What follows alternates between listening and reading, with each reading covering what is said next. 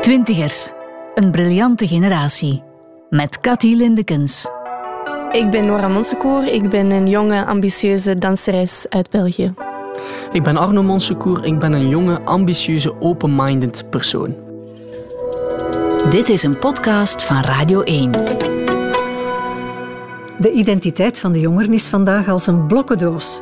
Ze vragen zich voortdurend af: wie ben ik? Maar ook wie kan ik zijn? En in hun zoektocht naar geluk laten ze zich door niets of niemand tegenhouden. Het verhaal van transgender Nora Monsecour ken je misschien al van de film Girl. Maar Nora is de helft van een een-eiige tweeling. En ik vroeg me af hoe Arno, de andere helft, haar transformatie heeft meegemaakt. Maar ook hoe hij ondertussen zijn eigen leven als voetballer en diëtist heeft opgebouwd. Twee mooie mensen die sprankelend aan elkaar hangen en veel hebben meegemaakt. Nora en Arno. Mijn allereerste jeugdherinnering, denk ik, is uh, in een speelgoedwinkel samen met Arno. Um, ja, we mochten altijd iets uitkiezen. Ik denk één keer in de drie maanden of zo gingen we naar een speelgoedwinkel en ik zie mij daar nog staan uh, naar de Barbiepoppen te kijken. ik denk dat dat mijn eerste herinnering is. Um, mijn eerste herinnering is dat, uh, dat is mijn eerste voetbaltraining geweest. Ik denk 4,5, 5 jaar. Um, en ik wou eerst niet. En ik zie me nog altijd op dat veld aarzelend komen en, en eigenlijk al wenend. En ik wou niet en ik wou niet. En uiteindelijk toch die voetbaltraining gedaan. En ja, uiteindelijk ben ik zo ook in de, in de voetbal terechtgekomen. En jij bent een uh, wereldvermaarde ondertussen danseres? Ja, ik ben hedendaagse danseres, dat klopt. Die in Mainz ja, werkt. in Duitsland. In ja, in een theater. Daar, daar dans ik in een gezelschap met twintig dansers. Ja. Maar jullie zijn samengeboren, want jullie ja. zijn een een-eiige tweeling. Klopt. Jullie zijn geboren als Arno en Aaron ja. Mm -hmm. Twee jongetjes die als twee druppels water op elkaar leken. Zo schattige mm -hmm. jongetjes. Mm -hmm. Ja, dat klopt. Nu nog schattig, hè? Ja, nog altijd schattig. Nee, maar we waren inderdaad heel identiek. En um, we, we, maakten ook altijd grapjes met mama soms dat we elkaars kleren verwisselden ja. en onze brilletjes verwisselden. En dan wist mama niet meer wie dat wie was. Nee, het was heel moeilijk om ons uh, uit elkaar te halen. Ik herinner me ook nog de, de eerste communiefoto's trouwens. Uh, dat is... Ja, heel moeilijk, heel lastig om ons echt uit te Maar Arno heeft zo van die elfenoortjes. Ja. Die en een moedervlek. En een moedervlek op zijn kaak. Dus dat waren de enige dingen ja. waar dat we het konden aan herkennen. Hadden jullie ook altijd zo ongeveer dezelfde kleertjes aan? Ja. Mensen altijd, doen dat vaak. Hè? Altijd wel in een verschillend kleur. Ik had altijd de felle kleur. Ik mocht altijd rood en, en dat wou ik ook altijd. En hij had meer, donkergroen, blauw. In wat voor nest zijn jullie geboren? Wie zijn of waren jullie ouders en grootouders? Een, een heel warm nest. Ik denk dat wij altijd, en nu nog altijd, open met elkaar kunnen praten. Um, ook de situatie met Nora dan, dat dat heel rap um, aanvaard werd ook in de familie twee harde werkers. Mijn ja. ouders, mijn, mijn, papa heeft altijd in IT gewerkt, maar die hebben dan samen met mijn mama een kinderdagverblijf uit de grond gestapt. Uh, hebben er uiteindelijk twee gehad. Um, dus we hebben altijd van jonge leeftijd gezien, denk ik, wat hard, hard werken, werken is en, en uh, ambitieus zijn. En als je iets wilt in je leven, dan, dan moet je daar heel hard voor werken. Uh, maar tegelijkertijd ook met heel veel liefde en heel veel respect naar andere mensen. Uh, we hadden wel bepaalde regels, wil ik ze niet noemen, maar bepaalde normen en waarden die we heel vroeg hebben meegekregen. Zero tolerantie. Zero tolerantie, zei mijn papa altijd. Als we ergens naartoe gingen, was er geen... Uh... Flink zijn, beleefd zijn ja, en zero tolerantie. En... Dat was altijd het zinnetje voordat we ergens binnenkwamen. Nee, gewoon een, een correcte opvoeding. Ja. Ook niet extreem streng of zo, maar gewoon heel warm, correct, met respect naar andere mensen toe. Beleefd. Ja, Beleefd, voilà. ja. Dat was voor hun nog altijd heel belangrijk. Ja. ja. Twintigers. Een briljante generatie. Hoe waren jullie samen als, uh, als peuter en als kleuter? Weten jullie daar nog iets van? Onafscheidelijk eigenlijk. Ik heb het nog over het laatst aan een vriendin verteld. Dat ik ooit... Um, we waren niet in dezelfde klas. In de kleuterklasje nee, zaten we niet samen. En ik wou per se... Ik was heel beschermend tegenover Aaron. Aaron mocht met geen enkel ander kindje spelen buiten met zijn broer. En we zaten eerst samen in de, in de klas, maar bij het eerste leerjaar hebben ze ons ja. um, uiteengetrokken. En ik weet nog dat hij ziek was en, en hij moest niet naar school. En ik moest helemaal alleen naar school gaan en ik was aan het huilen omdat ik zo... Ja, ik voelde me zo alleen omdat mijn broertje er niet bij was. Maar we waren onafscheidelijk, denk ik, als Maar dat beschermende zit er nu nog wel altijd in, ze. Ook al is Nora in Duitsland nu, het is toch wel altijd een stukje behoeden. Um, maar vroeger was het echt extreem, ze hebben ja, ons echt uit elkaar bij u wel, ja. ja. ja. Voel je dat ook als een stukje van jezelf als je een eenijige Ja. Ja. Ja, ja, dat absoluut. Ja. Ja. Maar je ziet, ja, we hebben de opmerking gekregen dat wij, wij maken eigenlijk, en nu ook betrap ik ermee op, wij maken altijd zo oogcontact. En, Ja, en we zoeken zo- elkaar altijd We op. zoeken elkaar altijd op. En ja, dat is gewoon een heel sterke band dat je moeilijk kunt verklaren aan iemand anders. Maar ook denken. Ik, soms ben ik iets aan het denken en ik zeg dat dan. En dan hij zegt van ik was net hetzelfde aan het denken. Of, of omgekeerd. Of ziek zijn. Ja, of ziek zijn. Ja. Of, of ons een beetje slechter voelen. Dat we elkaar een berichtje sturen van voel jij ook niet goed vandaag? En dan ja, weten we het. Dat is een speciale band, dat wel. Ja, dus altijd samen Ja, in je hoofd. Ja, ja, ja, heel gevoelsmatig samen zijn. Ja. Want wij horen elkaar eigenlijk niet zoveel. Hè. Nee. Ik zeg altijd, Nora, je moet vaker eens een berichtje sturen. Dan is het goed dat die een band er wel nog is, dat je elkaar wel kunt aanvoelen. Ja. Maar jij was dus eh, die van de Action Man en jij Ja, was van de Barbie pop. van de Barbie poppen. ja. Klopt. ja, we hebben eigenlijk niet vaak... Dat deden we niet vaak samen, samen spelen als kind. Nee, en ik denk ook omdat... Als ik dan spreek over Aaron, als, als Sinterklaas was op school bijvoorbeeld, die kreeg altijd autootje, eh, ik kreeg altijd autootjes en, en Aaron was daar niet tevreden mee. Dus ik speelde daarmee. Maar ja, normaal als je broertjes bent, dan speel je daar samen mee. Ja, ik vond dat verschrikkelijk. En dat was verschrikkelijk. Dus we hebben, eh, zij had daar Barbiepoppen inderdaad en ik had mijn Action Mans. En soms speelden die wel samen en, en in zo'n keukentje en zo. Like Brads, dat had hij ook. Ja, Brad zat ook. Brads. Ehm, en dan speelden we daar wel mee samen, maar ja, we hadden gewoon een beetje verschillende interesses. Ook samen voetballen, dat was ook niet eh, aan de orde. En ik altijd maar, maar zagen van, allee, kom, gaan we samen in de tuin voetballen. Maar ja, dat, gewoon twee verschillende interesses. Je hebt wel tot je zes jaar moeten wachten voor die eerste Barbie pop. Ja, ik heb heel lang moeten wachten op die eerste Barbie-pop. En ik begreep het nooit met Sinterklaas en verjaardagsfeestjes. En ik zag dat hij, Arno, wel alles kreeg wat hij wou. En ja, ik vond dat heel verwarrend dat ik gewoon geen pop kon krijgen. Mhm. Ja. En, en, en hoe maakte je dat dan duidelijk? Huilen. En ik was heel kwaad op Sinterklaas altijd, die eerste jaren. Alleen, ik herinner mij er niet veel meer van, maar mijn mama zegt dat dan. Ehm, ja, dat ik echt heel boos was en dat ik me echt afvroeg waarom ik niet het speelgoed kreeg dat ik op mijn lijstje had gezet.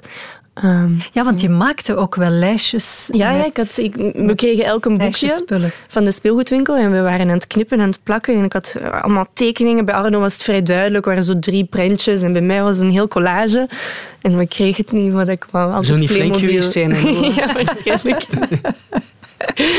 Ja, jullie wikken Sinterklaas beschikt. maar ja, en dan uiteindelijk bleek dan dat mama en papa het niet meer aankonden om mij zo triestig te zien. En dan hebben ze uiteindelijk toch beslist om die Barbiepop te kopen. Ja. Ja. Jullie hadden ook verjaardagsfeestjes met verschillende vriendjes. Ja. Ja. Jij nodigde jongens uit. Ja. Ja, deden we altijd samen de feestjes, maar bij mij waren dat was ook wel klassiek, want Nora is naar, eh, denk ik, een vierde leerjaar naar Antwerpen vertrokken voor te dansen. Maar in die periode daarvoor was dat heel klassiek. Ik speelde altijd met de jongens en, en Aaron speelde altijd met de, met de meisjes. Ja, ik spreek in het verleden altijd over Aaron in plaats van Nora. Natuurlijk. Dus iets dat zo gegroeid is. Ja. Ehm, en die speelde altijd met de meisjes en, en ik heb mij daar ook nooit vragen bij gesteld in die tijd. En, en, ja, Je moet ook wel... het verjaardagsfeestje was inderdaad jongens en, en Aaron die bracht meisjes mee. En dan, Ja, en ik kreeg allemaal meisjes cadeautjes en, dingen. Want ja, die kinderen voelden dat ook, dat ik niet van auto's en zo hield. En jij kreeg dan auto's. En, ja, dat moet heel grappig geweest zijn Ja, als je daar zo over terugdenkt. En daar heb ik ook mijn aller, allereerste Barbiepop gekregen op één verjaardagsfeestje. Was dat niet van Manon? Van Manon, ja. Dat was Arno zijn vriendinnetje, jarenlang. en eh, dat was mijn beste vriendinnetje. En eh, zij heeft me toen mijn eerste Ja. pop gegeven. Ja. Je had ook eh, verkleedkleren, een, een Ja. koffer met verkleedkleren. Ja, een hele kist. bed. Ja, dat was voor mij mijn, eh, mijn, mijn echte leven eigenlijk. Mijn droomwereld, mijn fantasie was voor mij geen fantasie. Dat was hoe dat ik me echt wou voelen. En ik had een hele grote rieten koffer en mijn mama haar trouwkleed zat daarin. En, en allemaal andere kleren die ik gewoon ja, op mijn kamertje altijd aandeed om me gelukkig te voelen. Dus terwijl jij ging voetballen buiten, Ja. Ging ik jij ja, je- Heel verkleden. vaak. Ja, Heel heel vaak. Wij, wij woonden ook vroeger in een, in een soort U-vormige wijk. En dat was heel leuk, want, want iedereen kwam met elkaar overeen. Dus ik was dan met Emiel, dat was mijn, mijn, mijn beste vriend nog altijd trouwens. Um, speelden wij legertje en we gingen voetballen van goal naar goal. En Nora was eigenlijk altijd binnen of ze ging bij Celine, eh, het andere buurmeisje. Maar de jongens waren echt stoer en buiten spelen. En, en Nora, of Aaron in die tijd, ja, die, die zat binnen en die speelde En liedjes zingen, en- musicals maken en, en showtjes opvoeren. Ja, dat zat er al van kinds af aan in.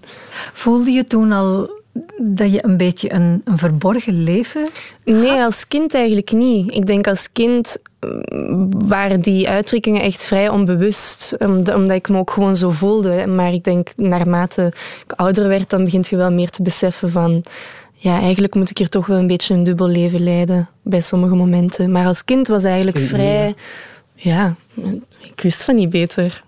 Voor ouders die een een eigen jongetjestweeling op de wereld hebben gezet, moet dat vreemd geweest zijn? Hoe, hoe gingen zij daarmee om? Ja, ik weet nog één moment. Dat is het enige wat ik me nog herinner, is dat ik volledig verkleed naar beneden kwam en ik zei van, oh, ik ben een meisje, ik ben een meisje. En mijn papa is toen heel kwaad geworden en die, uh, die was aan het roepen tegen mij. Ik denk, ja, ik neem hem dat ook niet kwalijk. En hij zei van, doe normaal en ga naar boven en kleed u helemaal terug om. En ik denk, dat hij zo verschoten was van die reactie, dat ze toen wel pas beseft hebben van oei, er is hier toch iets dat niet klopt. Um, en vanaf dan zijn ze daar heel, ja, heel aanvaardbaar, heel liefdevol mee omgegaan. Ik denk dat mijn geluk belangrijker was dan een schattige identieke tweeling hebben. En, uh, en ja. Voor mij is altijd iets raar, want ik heb nooit beseft dat, dat um, Aaron Nora werd op die manier. Ja. Aaron was Nora, alleen heette die in die periode Aaron.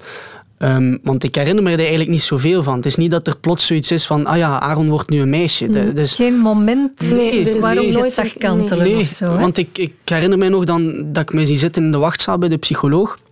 En dan, dan ja, je bent jong, hè, je wordt daar dan een stukje meegesleurd. En ik heb me daar nooit echt vragen bij gesteld. Ik heb nooit me de vraag gesteld van klopt dat wel? Of is dat, is dat juist? Is dat niet juist? En dat, dat, was gewoon zo. En, en om duur beginnen daar wel wat te weten over te komen. Papa die daar heel veel onderzoek naar heeft gedaan. En dan weet je dat het dat label krijgt. Maar, maar ik heb nooit een keuze moeten maken van accepteer ik dat, accepteer ik dat niet. Dat was gewoon mijn zus, ik wist het alleen nog niet. Ze zat in een jonge lichaam en, en, en de naam was Aaron, maar het is nooit echt een, een, ja, een klik geweest van oké, nu moet ik dat accepteren of niet accepteren.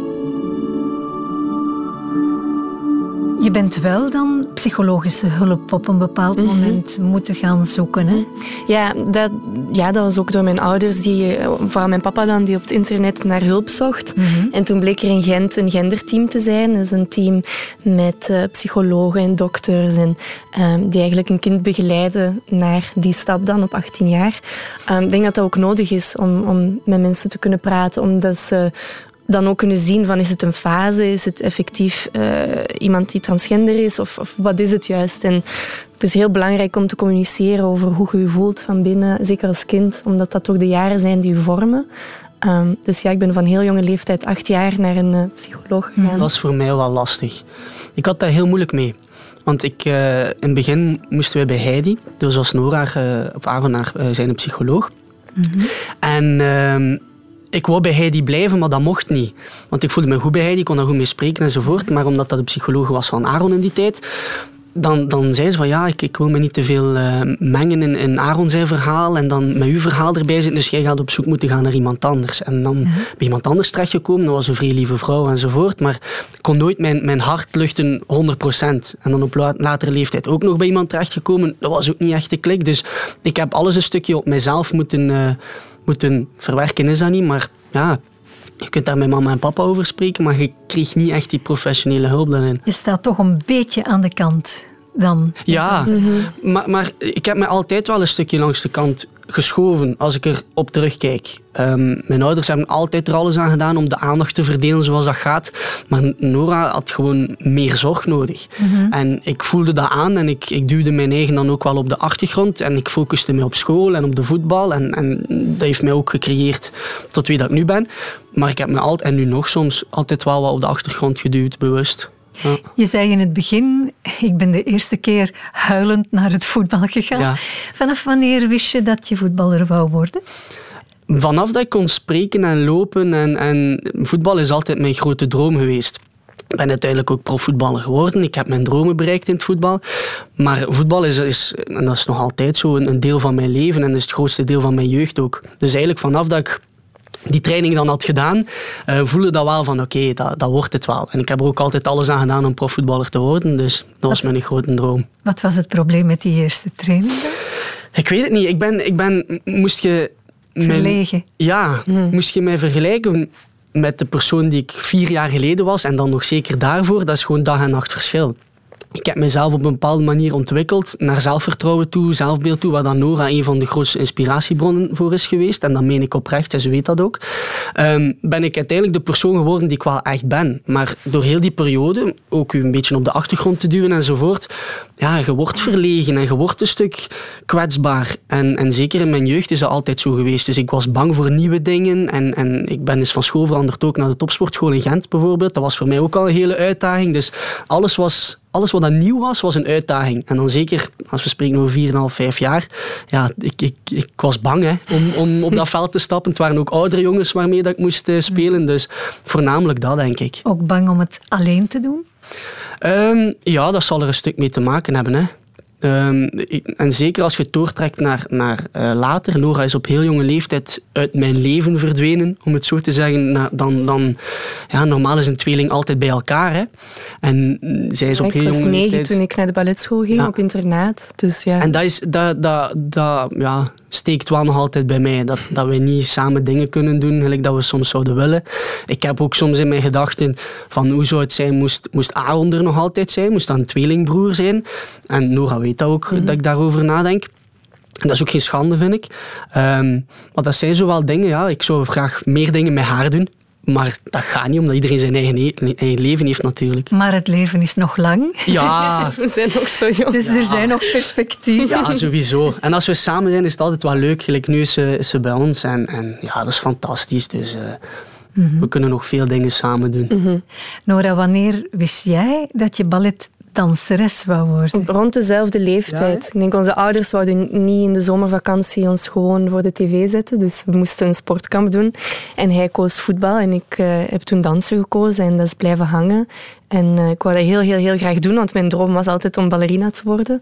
Dus jullie hadden ook al echt van helemaal in het begin ja.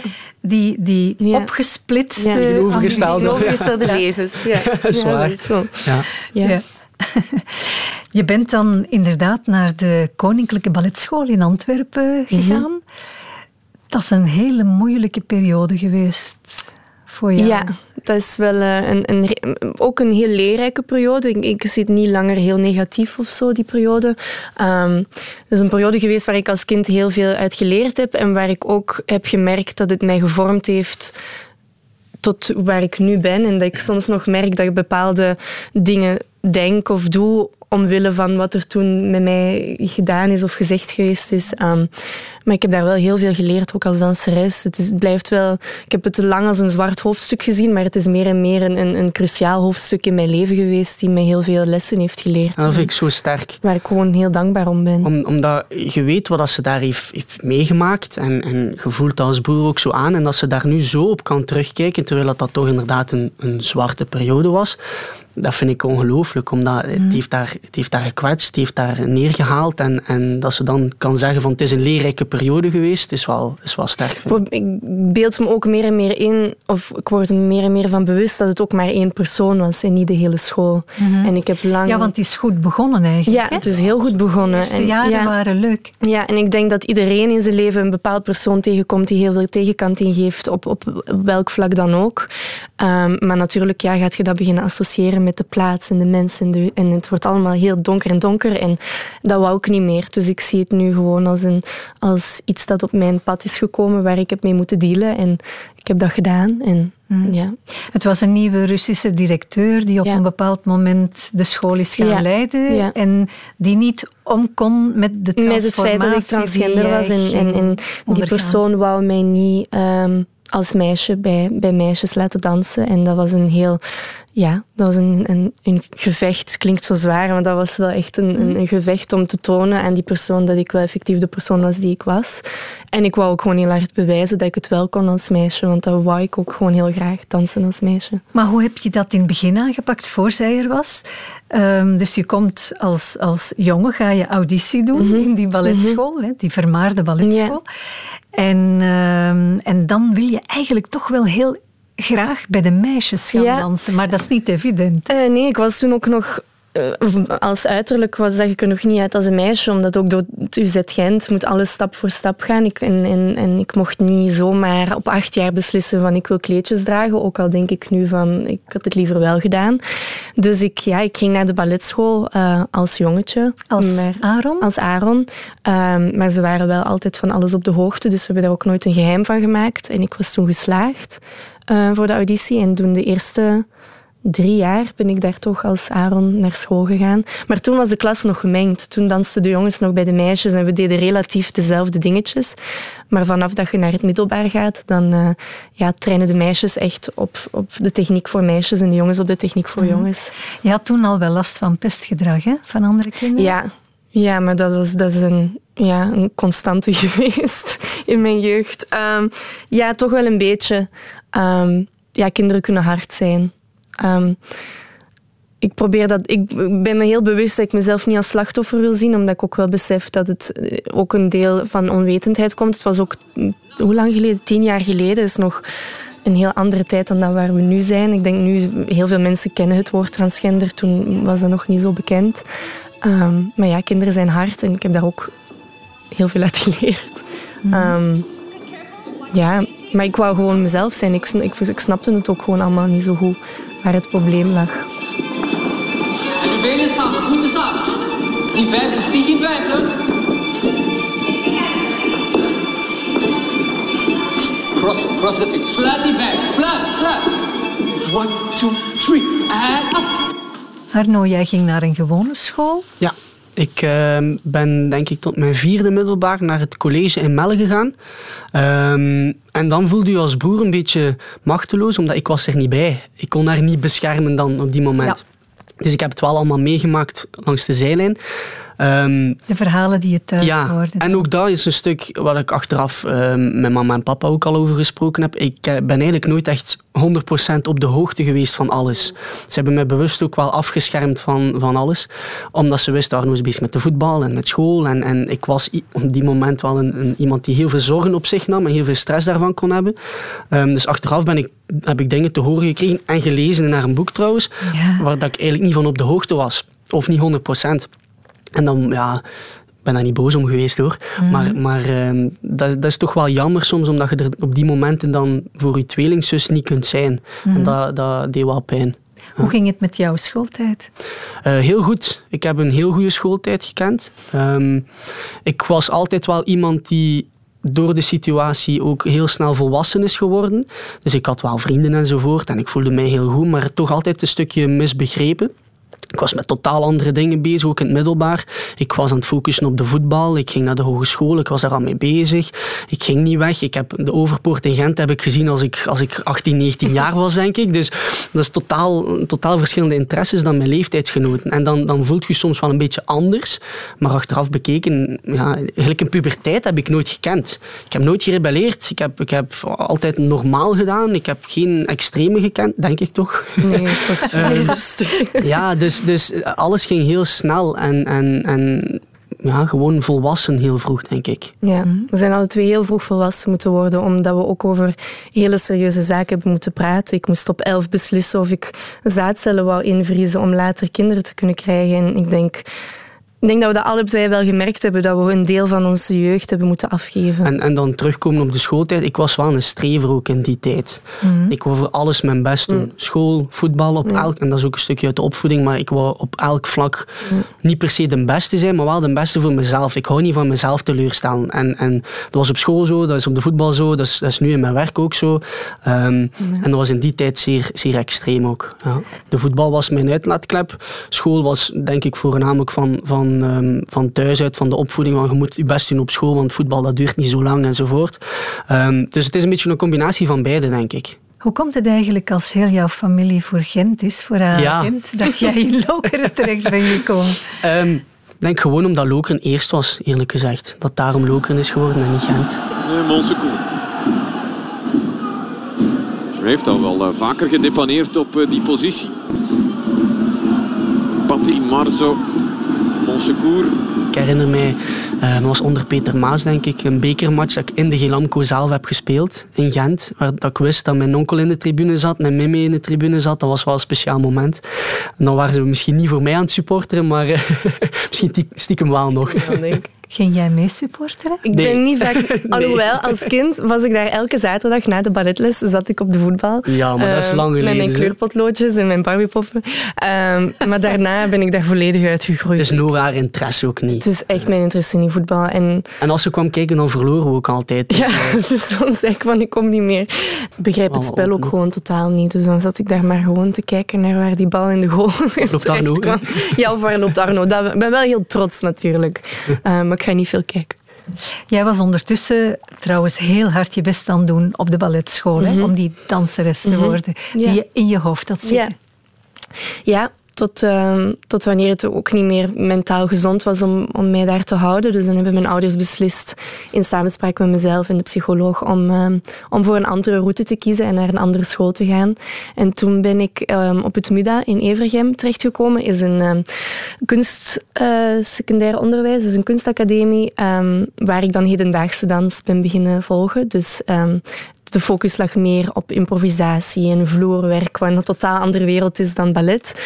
En uh, ik ben zo dankbaar dat ik op die school terecht ben hmm. gekomen, want daar ja, heb ik gewoon mezelf ontdekt als danser en, en als persoon. En, en altijd niet voor het middag geweest, dan was ik ook niet de hedendaagse danseres die ik vandaag ben. En ik doe het zoveel liever dan ballet. Vertel toch nog eens even over die periode de moeilijkste periode mhm. eh, in de balletschool? Mhm. Want je wou daar eigenlijk wel heel graag blijven. Ja, ik wou het daar gewoon heel graag afmaken.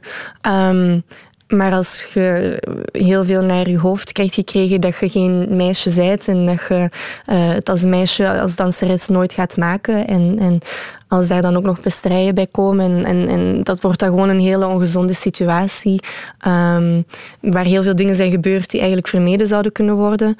Uh, ja, dan is het ook gewoon niet meer gezond om daar te blijven. Ik kreeg dan ook nog een eetstoornis erbovenop en, en uh, een depressie. En, en het klinkt allemaal zo heel zwaar, maar ja, het is wel de waarheid. Het is, het is wel gebeurd. ja. Um, ja, dan is er beslist om mij daar weg te halen. Mm. En uh, dat was niet met heel veel blijdschap bij mij, want ik wou daar heel graag blijven. Um, omdat het zo'n beroemde school is. Omdat het zo'n beroemde school is. Het is ook gewoon de beste balletacademie in België en ook een topschool in, in Europa. Dus voor ballet was dat de beste plaats om te zijn. En ik denk, in mijn hoofd toen voelde het alsof ik gefaald had. En, en ik ging nooit een danseres worden, want ik zat niet op de school die mij daar het beste bij kon helpen. Wat achteraf gezien helemaal niet, niet waar bleek te zijn, omdat er ook nog heel andere, heel goede scholen zijn. Twintigers. Een briljante generatie met Cathy Lindekens. Arno, hoe ging jij daarmee om in die periode? Hè? Want je zag je zus vermageren door die anorexia. En... Wel, ik, ik, was net aan het denken, ik, ik, ik, ben een positief persoon en ik wil altijd alles positief houden en dit ook. Maar, maar um, Nora verbloemt het ook allemaal. Hè? Het, het had even goed zou kunnen zijn dat ze hier niet zat. Um, en, mhm. en ik zeg zo'n ding niet graag, want ik zeg ik ben een positief iemand, maar het is effectief zo. En ze gaat dat nooit zeggen omdat ze sterker is geworden en omdat ze meer kracht heeft uitgehaald. Maar bedoel, er zijn evenveel mensen, en daarom niet transgenders, maar die, die zo'n dingen meemaken die er niet zijn. Um, dus ik, ik verbloem dat ook niet zo graag. Um, omdat ik daar ook van heb afgezien. Omdat, gelijk dat ik zeg, ik, ik was een stuk machteloos daar tegenover. Ik zat thuis en ik hoorde alleen maar het verdriet van mijn zus die daar zat. Je kon haar niet beschermen. Nee. En, en, en dat was ook een stukje egoïstisch van mijn kant dan ook, omdat ik was ook zodanig bezig met voetbal en school, dat, dat ik ook zoiets had van, ja, waar, waar moet ik nu mijn prioriteiten zetten? Ik kan er niets aan doen, maar, maar ik heb ook mijn eigen ding en mijn ouders schermen mij van het meeste vanaf. Dus ik herinner mij ook niet zo heel veel meer van die periode. Ja, we waren nog zo jong, we waren 14 jaar. Dus maar ik herinner me wel de pijn en ik herinner, herinner me wel de verhalen en ik herinner me wel hoe dat ze haar voelde. Ik wou heel graag danseres worden en ik denk, als ik dat niet had gehad, dan had het ook allemaal niet meer gehoeven. Maar ik wist ergens in mijn achterhoofd dat ik, dat ik dat ging bereiken, op welke manier dan ook. En dat heeft er mij wel doorgesleurd, omdat ik ook gewoon heel graag danste. Ja, de volgende alsjeblieft. Bonne chance. Bonne chance. 3, 4, 5, 6, 7... De klassieke techniek moet natuurlijk verder geperfectioneerd worden, maar voldoet. Dus ik denk dat het goed is dat we een uh, achttal weken proberen meisjes, we beginnen al op 12 jaar hè, op ons plaats. Ze moeten harder werken, anders is het een hopeloze situatie. Je ziet er goed uitgestraald. Heb je nog zitten aftellen naar je hormonenbehandeling? Ja. Twintigers. Om nog even op de balletschool Mhm. terug te komen, eh, daar wou je absoluut een examen als danseres doen. Dat was heel moeilijk en ingewikkeld, maar je hebt het toch gehaald, hè? Ja, ja, ik wou dat heel graag doen, eh, omdat dat ook de voorwaarde was. Als ik het examen zou halen, mocht ik blijven als meisje. En eh, ik heb toen dat examen gedanst als meisje en ik was er ook door als meisje. Maar je bleef in dat jongenslichaam zitten. Ja, fysiek had ik nog altijd een piemel aan daar beneden. Dat was een feit. Ehm, maar ja, mijn mentaal was dat zo'n verademing om eindelijk als... Een verademing en een heel stressvolle situatie. Want het was... eh, De manier waarop het gebeurd is, was heel stressvol en heel... ehm, eh, ongestructureerd, waardoor het tegelijkertijd een hele verademing was om als meisje te dansen, maar er, aan de andere kant ook heel, eh, voelde het heel gevaarlijk en heel, eh, was ik heel angstig geworden.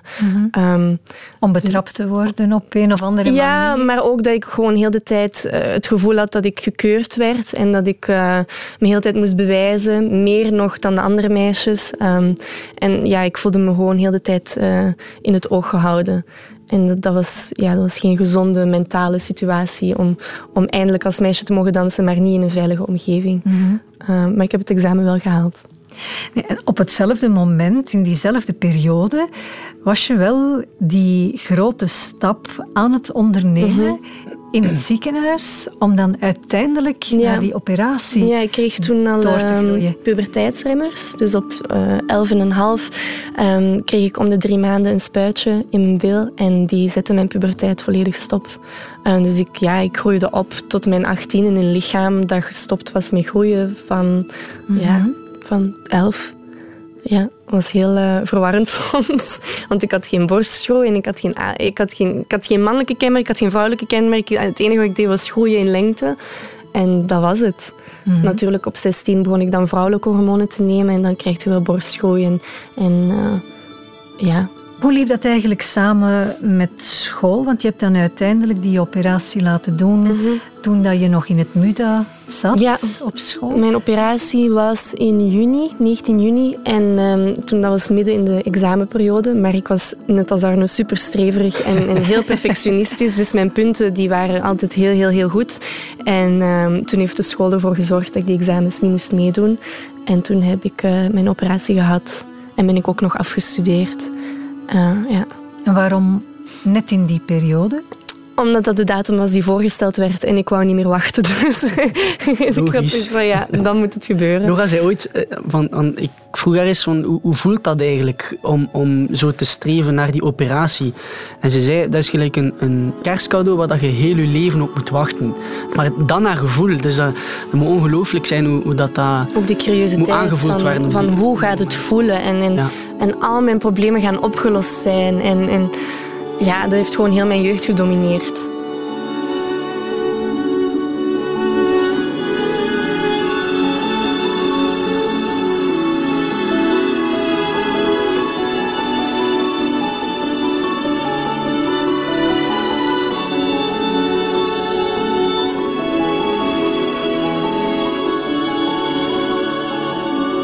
Arnold moet voor jou toen ook wel moeilijk geweest zijn, want zij was dan in het ziekenhuis, maar jij had ook examens in die Ja, periode. ja, ik herinner mij wel dat ik eh, mijn examens vroeger kon doen. Dat was, ik zat toen op de topsportschool, hè, dus dat was sowieso al een vrijere school qua regels. Ehm allee, er waren strikte regels daar niet van, maar er konden wel altijd aanpassingen gedaan worden. Ehm, dus ik herinner mij... Is dat eh, ook nog in volle competitie? Nee. Ja. Dat is net Ja, afgelopen? ik denk dat het net afgelopen zou geweest zijn. Ja, ik dacht van wel. Ehm, maar er was een voetballer die, die ehm, met de nationale ploeg weg moest, dacht ik. Dus die kon zijn examens ook vroeger doen. En dan, eh, dat, dat herinner ik me nog. Ehm, maar ja, bij mij was dat ook een heel stressvolle situatie, want ik zat in die aanloop inderdaad naar de examens.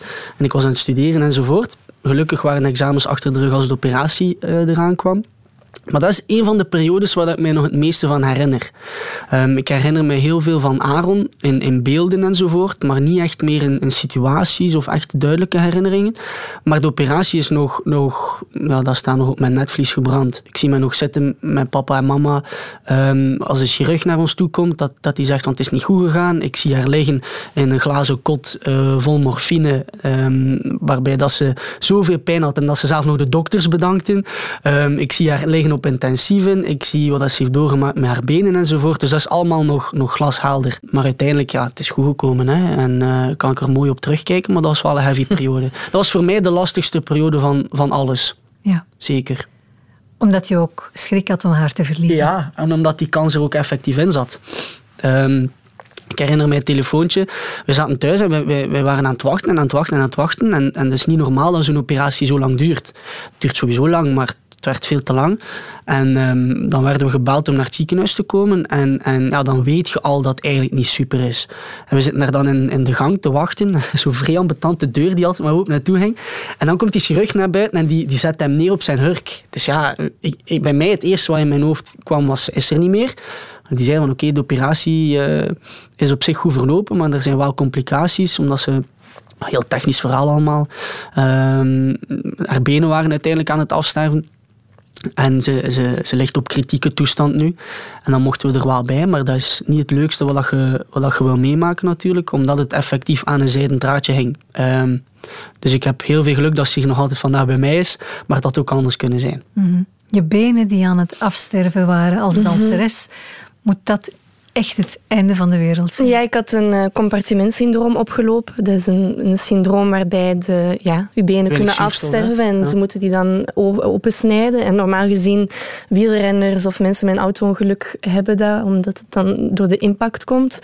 En bij mij kwam het, uh, ja, omdat ik een heel sportief lichaam had, ik was ook heel mager. Uh, en toen heb ik dat opgelopen en toen moesten ze mijn benen aan alle vier de kanten opensnijden.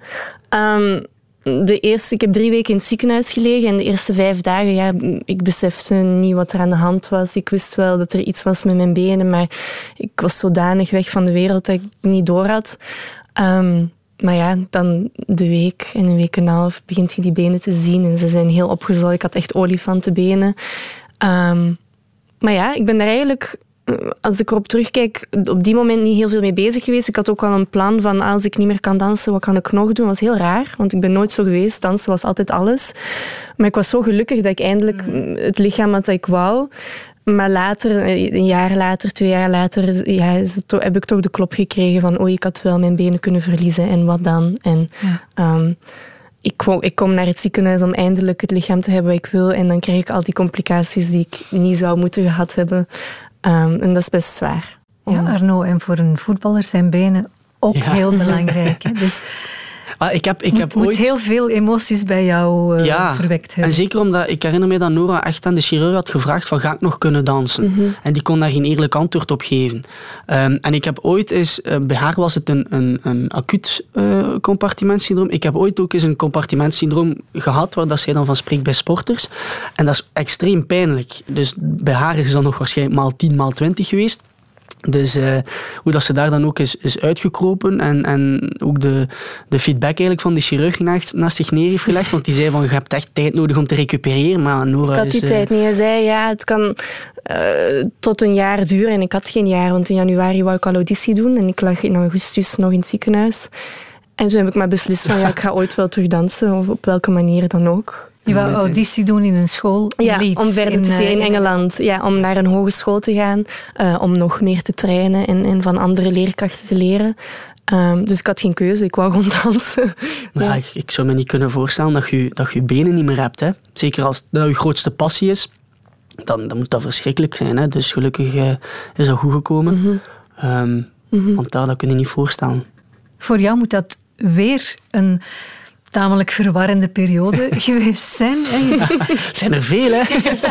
Je zus die, hè, die zo zwaar gehavend is, die dan alles doet om auditie te gaan doen en die dan vertrekt naar Engeland. Ja, dat was, het vertrek naar Engeland had ik op zich niet zo'n probleem mee, omdat ik weet waarom dat ze ging. Um, ze, ze, ze jaagt haar dromen na en ik had zoiets van, oké, okay, dan moest ze dat maar doen. Um, en ook omdat ik sinds het vierde leerjaar eigenlijk nooit met haar heb, heb samengewoond. Dus dat was een, een, een, evidentie dat ze dat ging doen. Maar de periode op zich was één roes. Hè. Je, je, weet niet veel wat er in de buitenwereld zich afspeelt. Het is gewoon een beetje op automatische piloot. En er zijn voor haar, um, zo herinner ik mij ook het ziekenhuisnachtje uh, dat ik bij haar bleef slapen. de slechtste nacht van mijn leven. Um, maar nee, ja, het was geen gemakkelijke periode. Hè. En ik zei, voor mij een van de zwaarste periodes die er in heel de, heel de weg waren. Ja, ik heb ook later pas beseft hoe dat voor hun moest geweest zijn. Ik ben heel lang gefocust geweest op mezelf. En, en toen heb ik ook wel echt er even van afgezien van oei, die hebben mij daar zo zien liggen. En, en, want ik herinner me niet veel meer van de pijn, want ik, ik ja, dat vergeet je snel, wat, hoe pijn voelt. Maar ze hebben wel emotioneel geleden en dat heb ik minder gehad. Twintigers. Een briljante generatie. Met Cathy Lindekens. Arno, die nog altijd over Aaron praat, maar super trots is op zijn zus. Samen zetten ze zich ook in voor Berdache.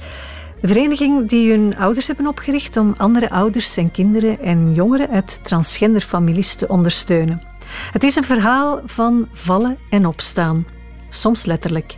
Ik ben daar heel trots op dat ze dat hebben gedaan. Mm Absoluut. Uh, omdat ik ook wel merk hoeveel mensen ze daarmee helpen. En, en um, ik denk, een kind alleen kan het. En, en we zien het ook, dat transgenders uh, weggaan van huis. En, en dan ook hun weg vinden. Maar het is veel makkelijker en veel mooier ook als je dat als gezin kunt doen.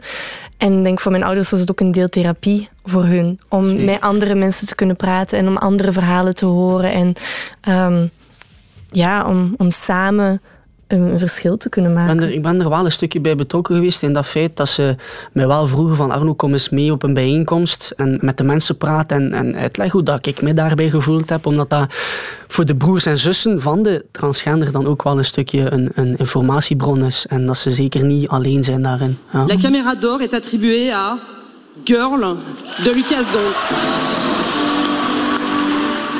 Ik heb heel veel gehoord dat ik raar was en vreemd was. En, en je leert jezelf dat dan ook aan. En op dat moment had ik zoiets van, ah wel, ik ben transgender, so what? Ik ga het aan iedereen gewoon laten zien. En omdat er ook heel veel moois en leerrijks in mijn verhaal zit. En omdat ik daar ook best trots op mag zijn. En Girl heeft daar echt uh, een serieuze invloed op gehad. De film heeft ook uh, wereldwijd uh, grote prijzen gekregen. Spannend. Dat is vreemd. Ja, dat was spannend. Dat is heel raar. Maar ook, ook trots eigenlijk dat, dat het ja, uiteindelijk die weg is mogen inslaan naar alle zwarte periodes en dat er toch ook een mooi, mooi verhaal aan kan uh, gebreid worden. Het duurde ook even voor hun, voor Arno en papa dan vooral, om, om dingen in te herkennen. Want zij hadden meer het gevoel van oh, het gaat echt een versie zijn die gebaseerd is bijna op mijn verhaal. En ik denk dat jullie... Ja, ik vond het niet zwaar genoeg. Terwijl ik mezelf er super hard in herkende, omdat het vooral mijn mentale dingen laat zien in plaats van wat er fysiek allemaal is gebeurd. Um, maar dan na twee, drie keren de film te zien, ja, was iedereen ja, verkocht. Het is, gewoon, eigenlijk. het is gewoon mooi dat, dat, die, dat die tweestrijd daar zo in zit. Dat het niet focust op die pesterijen enzovoort. Achteraf, nu kan ik dat zo zeggen, maar um, het is mooi dat het over haar ging. Um, en dat het dat verhaal is geworden. Ja. Mm.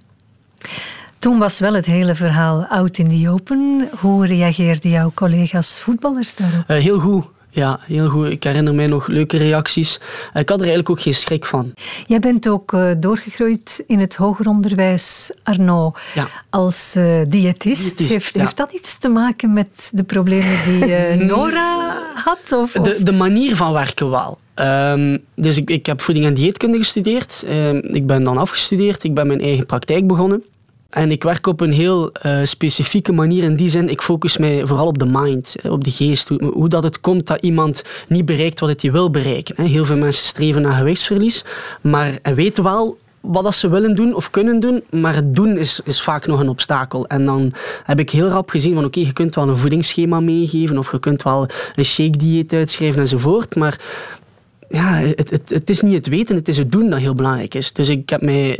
Um, eigenlijk een beetje geïnspireerd op dat vlak naar Nora toe. Heb je haar ook kunnen helpen in de periode dat jij dat studeerde? ja.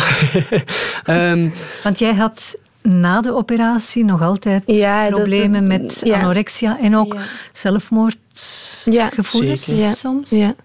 ja, dat is iets dat, die eetstoornis is iets dat ik meer en meer kan mee omgaan. En dat ik ook wel, vroeger zei ik altijd, het zal nooit weggaan. En nu weet ik wel dat het ooit zal verdwijnen. Omdat het ook vasthangt aan, aan een, laag zelfbeeld of, of perfectionistisch willen zijn of, of een houvast willen hebben. Um, ik heb me nooit echt gefocust op voeding bij Nora. Ik heb haar vooral um, aangetoond van kijk, je mocht wel best een sterke vrouw zijn na alles wat je hebt meegemaakt. Je mocht jezelf niet zo teleurstellen, je mocht jezelf niet zo afbreken. Je hebt alles zo doorsparteld en nu zit je zelf zo te niet te doen. En op die manier het haar zelfvertrouwen een stuk, uh, die angstaanvallen wegnemen enzovoort, dat kan ik wel... Uh, ik, ik stoef niet graag op mezelf, maar die pluim ga ik toch wel op mijn hoed steken. um, omdat dat effectief wel zo is. Ik, ik, zij heeft mij gemaakt tot de persoon wie dat ik ben. Die zijn niet alleen, maar toch grotendeels. En dan vond ik het jammer om te zien dat zij nog altijd last heeft met, met zelfbeeld en zelfvertrouwen, terwijl dat zij mijn inspiratiebron is geweest. Dus dan, dat kon ik niet aanzien en heb ik daar met haar wel een, een aantal gesprekken over gehad. En, en dat is wel goed uitgedraaid. Twintigers uiteindelijk uh, afgestudeerd in Leeds. Ja. En uh, je mocht een, een, een, stage gaan doen ja. in Mainz in Duitsland. En ja. daar ben je blijven hangen. Ja, daar ben ik blijven hangen. Heb ik uiteindelijk een contract gekregen. Um, en daar dans ik nu nog altijd. Je eigen kostuums op maat krijgen en een choreografie op maat. Andere dansers van over de hele wereld ontmoeten. Ja, dat was voor mij fantastisch. En ik wou daar eigenlijk ook nog niet weg. En toen heb ik een contract gekregen. En, uh, ja, nu ben ik professioneel danseres. Nu word ik betaald om te dansen. Ga jij ook kijken, Arno? Ja, ja meer, uh, dan, meer dan, dan ik naar de, de voetbal. voetbal. Nee, als ik kan, dan, dan, dan ga ik wel naar, naar Mainz. We zijn onlangs nog geweest. Um, ik ga het wel vertellen, hè. dat was een, een voorstelling waarbij dat er drie minuten een, een, een naaktdans uh, werd, werd gedaan. Uh, is kunst, hè? en, um, Zo gaat dat. maar maar, maar het, het, was echt het was ongelooflijk mooi. voetbal is dat alleen in de kleedkamer. Ja. ja. ja. Um, en het, het, was gewoon ongelooflijk mooi. En ik, ik werd zelf gewoon emotioneel. Ik herinner mij, mijn mama vroeg me na, na het optreden van wat vonden van Arno. En, en ik, ik kreeg de krop in de keel en ik ben naar het toilet gegaan en ik ben gewoon beginnen wenen. Omdat ik niet van het optreden als zich, dat was mooi en, enzovoort. Maar omdat ik zo trots ben op haar. Want dat is het, het het ultieme dat je kunt bereiken op vlak van het transgender zijn dan, is jezelf letterlijk zo blootgeven. Niet alleen in de dans, het mentale dan, maar, maar ook het fysieke. En, en dat ze daar dan staat als mooie vrouw ja, dat, dat, dat, werd gewoon mij, dat werd mij een beetje te veel, omdat ik weet welke weg dat ze daarvoor heeft uh, afgelegd. En dat is gewoon ongeloo ongelooflijk inspirerend en ik werd daar emotioneel van. Ja. Mm. Voor jou moet dat ook een overwinning geweest zijn. Oh, ik heb er eigenlijk nooit zo bij stilgestaan. Voor mij was dat een deel van, van de choreografie, een deel van het stuk. En als dat, ik heb altijd gezegd dat ik dat niet zou uitsluiten als danser om ooit naakt op het podium te staan. Als het maar in de juiste context is en, mhm. en als het maar smaakvol gebracht wordt. Ja, het is niet dat het, dat het niet smaakvol nee, is. Nee, het, het, is echt heel delicaat gebracht. En uh, ja, dan heb ik het maar gedaan. Um, en onder het motto laat nu maar eens alles achter mij. ja, eigenlijk, het is wel bevrijdend, dat ga ik wel zeggen. Het is wel heel, ja, het is, het is, een mooi moment. En inderdaad, als hij mij dat zo vertelde, heb ik daar even op gereflecteerd. En, en, en het is inderdaad wel een mooie stap. Mm -hmm. hm. Wat zijn jullie dromen nog voor de toekomst? Oh, ik heb er veel. ja, ik heb ook nog veel. Begin maar. Nee, um, ik, ik, vooral naar mijn zaak toe eigenlijk. Mijn, mijn zaak zo goed mogelijk uitbouwen. Daar heb ik heel veel dingen in die ik wil doen.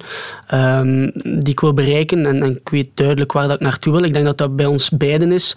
Uh, ondanks onze jonge leeftijd weten we wel heel goed wat dat we willen. En waar dat we naartoe willen werken.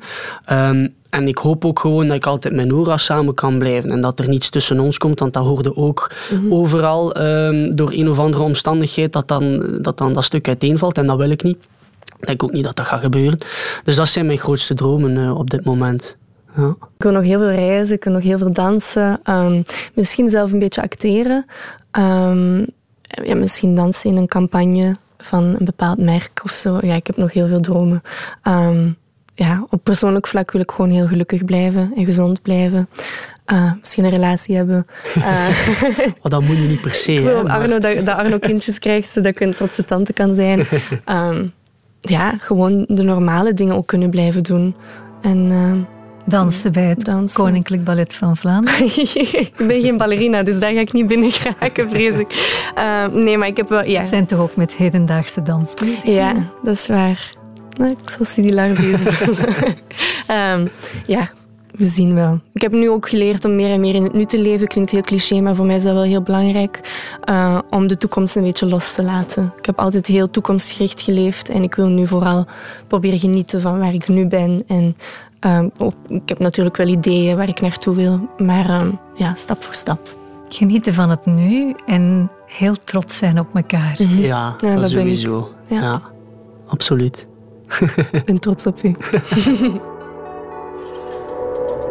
Dit was Twintigers, een podcast van Radio 1. Ontdek nog meer podcasts van Radio 1 in onze app en op radio1.be.